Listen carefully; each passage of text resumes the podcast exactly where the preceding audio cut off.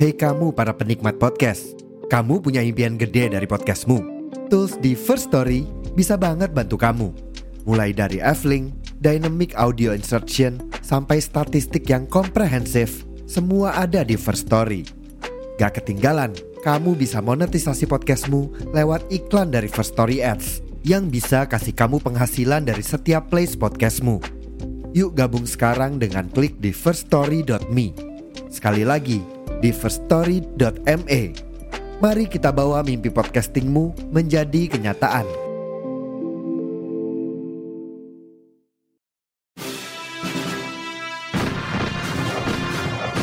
Saya berbicara di sini sebagai penyambung lidah rakyat Indonesia.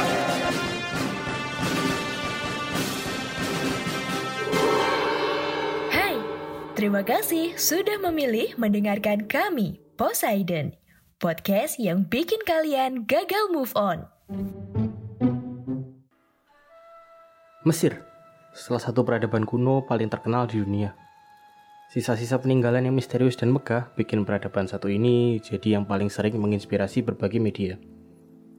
Mulai dari literatur, film, sampai video game, puluhan bahkan ratusan karya yang selalu mencoba membawa kejayaan kerajaan ini ke hadapan kita semua. Sayangnya kepopuleran ini juga nggak jarang membawa berbagai masalah, kontroversi, dan konspirasi karena keterbatasan informasi, sejarah masyarakat, atau bahkan kesengajaan individu supaya jadi rame dan viral. Halo dan selamat datang di konten paling random podcast sejarah Indonesia di luar kelas, tempatnya sedang tidak jelas bersama saya Eka Arkananta.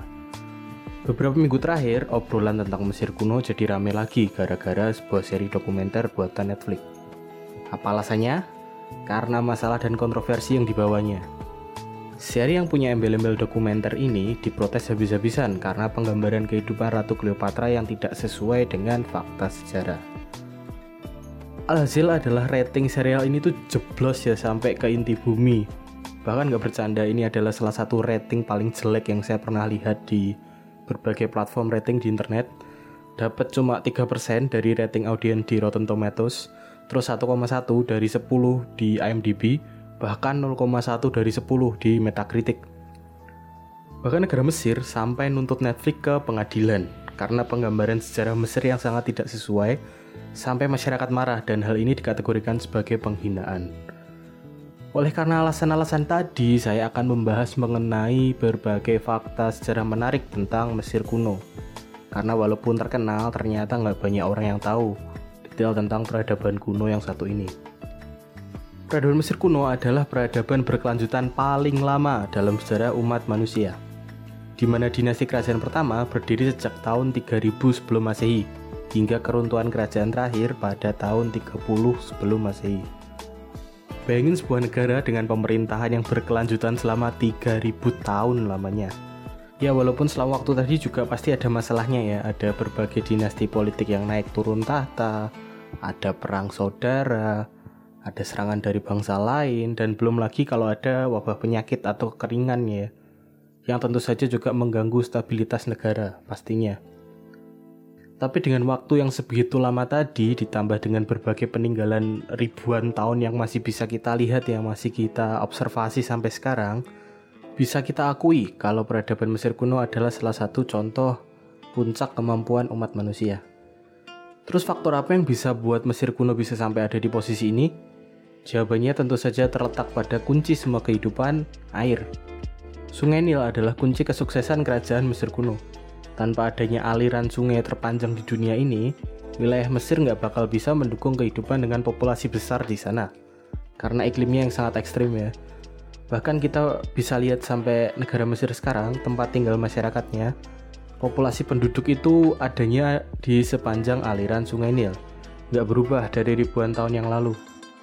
Wajar ya karena memang landscape lain di daerahnya tuh isinya cuma padang pasir ya yang adanya cuma kala jengking ular sama jin penunggu gurun ya. Bukan cuma jadi sumber air dan jalur transportasi, mineral yang dibawa sama sungai Nil ini tuh bikin bantaran sungainya sangat subur, terutama yang ada di wilayah Mesir. Karena daerah ini termasuk wilayah hilir dan muara sungai. Saking suburnya, mereka tinggal ngelempar biji terus diinjak dan diratain sama sapi. Ini udah tumbuh tanaman. Hasil pertanian yang melimpah ini juga jadi alasan kenapa Mesir kuno ini bisa bangun banyak banget mega proyek. Karena kebutuhan makan buat pekerjanya udah terpenuhi ya jelas. Ngomong-ngomong mega proyek, sekarang mari kita bahas piramid.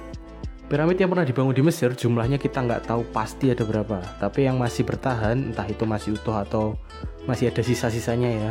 Ini ada sekitar 118 yang dibangun pada periode dinasti tua dan dinasti tengah antara tahun 2600 sebelum masehi sampai 1700 sebelum masehi. Jadi ada beberapa piramid yang masih berdiri utuh walaupun usianya udah sekitar 3000 sampai 4000 tahun lamanya. Yang paling terkenal tentu saja ada di kompleks Giza ya yang isinya itu tiga piramid. Ada Pyramid of Khufu yang kita kenal sebagai The Great Pyramid yang paling gede Terus juga ada dua piramid lainnya yang ukurannya sedikit lebih kecil yaitu Pyramid of Khafra dan juga Pyramid of Menkaura yang semuanya dibangun pada masa dinasti keempat antara tahun 2600 sampai 2500 sebelum masehi. Dan nggak kayak mitos-mitos yang beredar di mana katanya piramid ini tuh dibangun sama budak. Nggak ya, piramid ini tuh dibangun sama masyarakat Mesir sendiri yang menganggap hal ini sebagai bentuk pengabdian ke negara, pengabdian ke raja dan juga oleh individu yang nggak mampu bayar utang ya. Jadi kayak mereka bayarnya pakai tenaga gitu. Konsepnya sama kayak kalau kalian nggak mampu bayar makan terus cuci piring. Nah itu sama. Mereka ini dihitung tenaga kerja profesional yang juga diberi tempat tinggal dan makanan yang sangat layak, bahkan dimakamkan di sekitar kompleks wilayah piramid. Terus apa fungsi piramid-piramid ini? Yaitu buat makam pemimpin-pemimpin mereka ya, uh, bukan cuma Fir'aun, Fir'aun kan rajanya, tapi juga ada kayak pendeta tinggi, terus kayak pejabat-pejabat kerajaan dan lain-lain. Mereka semua melalui proses mumifikasi dan kemudian dibawain bekal buat perjalanan di akhirat. Jadi piramid itu isinya lengkap ya, ada duit, ada perhiasan, ada senjata, ada berbagai peralatan, ada bahan makanan, ada barang-barang kesukaan yang meninggal tadi atau bahkan juga hewan peliharaan, ada yang juga ikut di mumi yang pernah saya baca ini tuh ada kucing, ada anjing, ada rusa ya, ada yang punya gazelle, terus juga ada monyet. Bentar, tadi kayaknya kita sempat membahas tentang budak ya.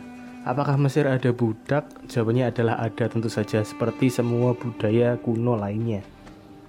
Mereka kebanyakan kerja di sektor pertanian dan juga sektor infrastruktur.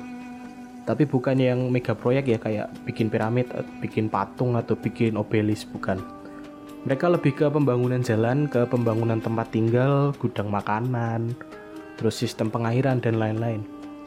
Ada juga yang dipekerjakan sebagai asisten rumah tangga, jadi pengasuh anak, jadi juru masak, terus tukang kebun dan pekerjaan-pekerjaan fisik lainnya lah di sekitar rumah. Dan pemimpin-pemimpin Mesir ini sebenarnya nggak semuanya itu pakai nama Fir'aun atau Pharaoh ya dalam gelarnya. Karena secara simbolis mereka ini adalah dewa, jadi nama gelar-gelar yang dipakai oleh mereka selama jadi raja ini adalah nama-nama dewa dari mitologi mereka tadi. Cuma ada beberapa yang pakai nama Pharaoh ini di dalam gelarnya ya. Yang kemudian sama Herodotus, bapak sejarah dari Yunani ini tuh dipakai untuk menyebutkan semua raja Mesir. Nama Pharaoh ini tuh juga ada di kitab ya, yang pakai bahasa Ibrani di Torah miliknya Yahudi, terus di Book of Exodus ya di Injil, kemudian di bahasa Arab jadi Firaun yang muncul di Al-Quran, yang berarti istilah Pharaoh atau Fir'aun ini justru lebih sering muncul dan lebih populer di luar dari penulisan sejarah Mesir itu sendiri.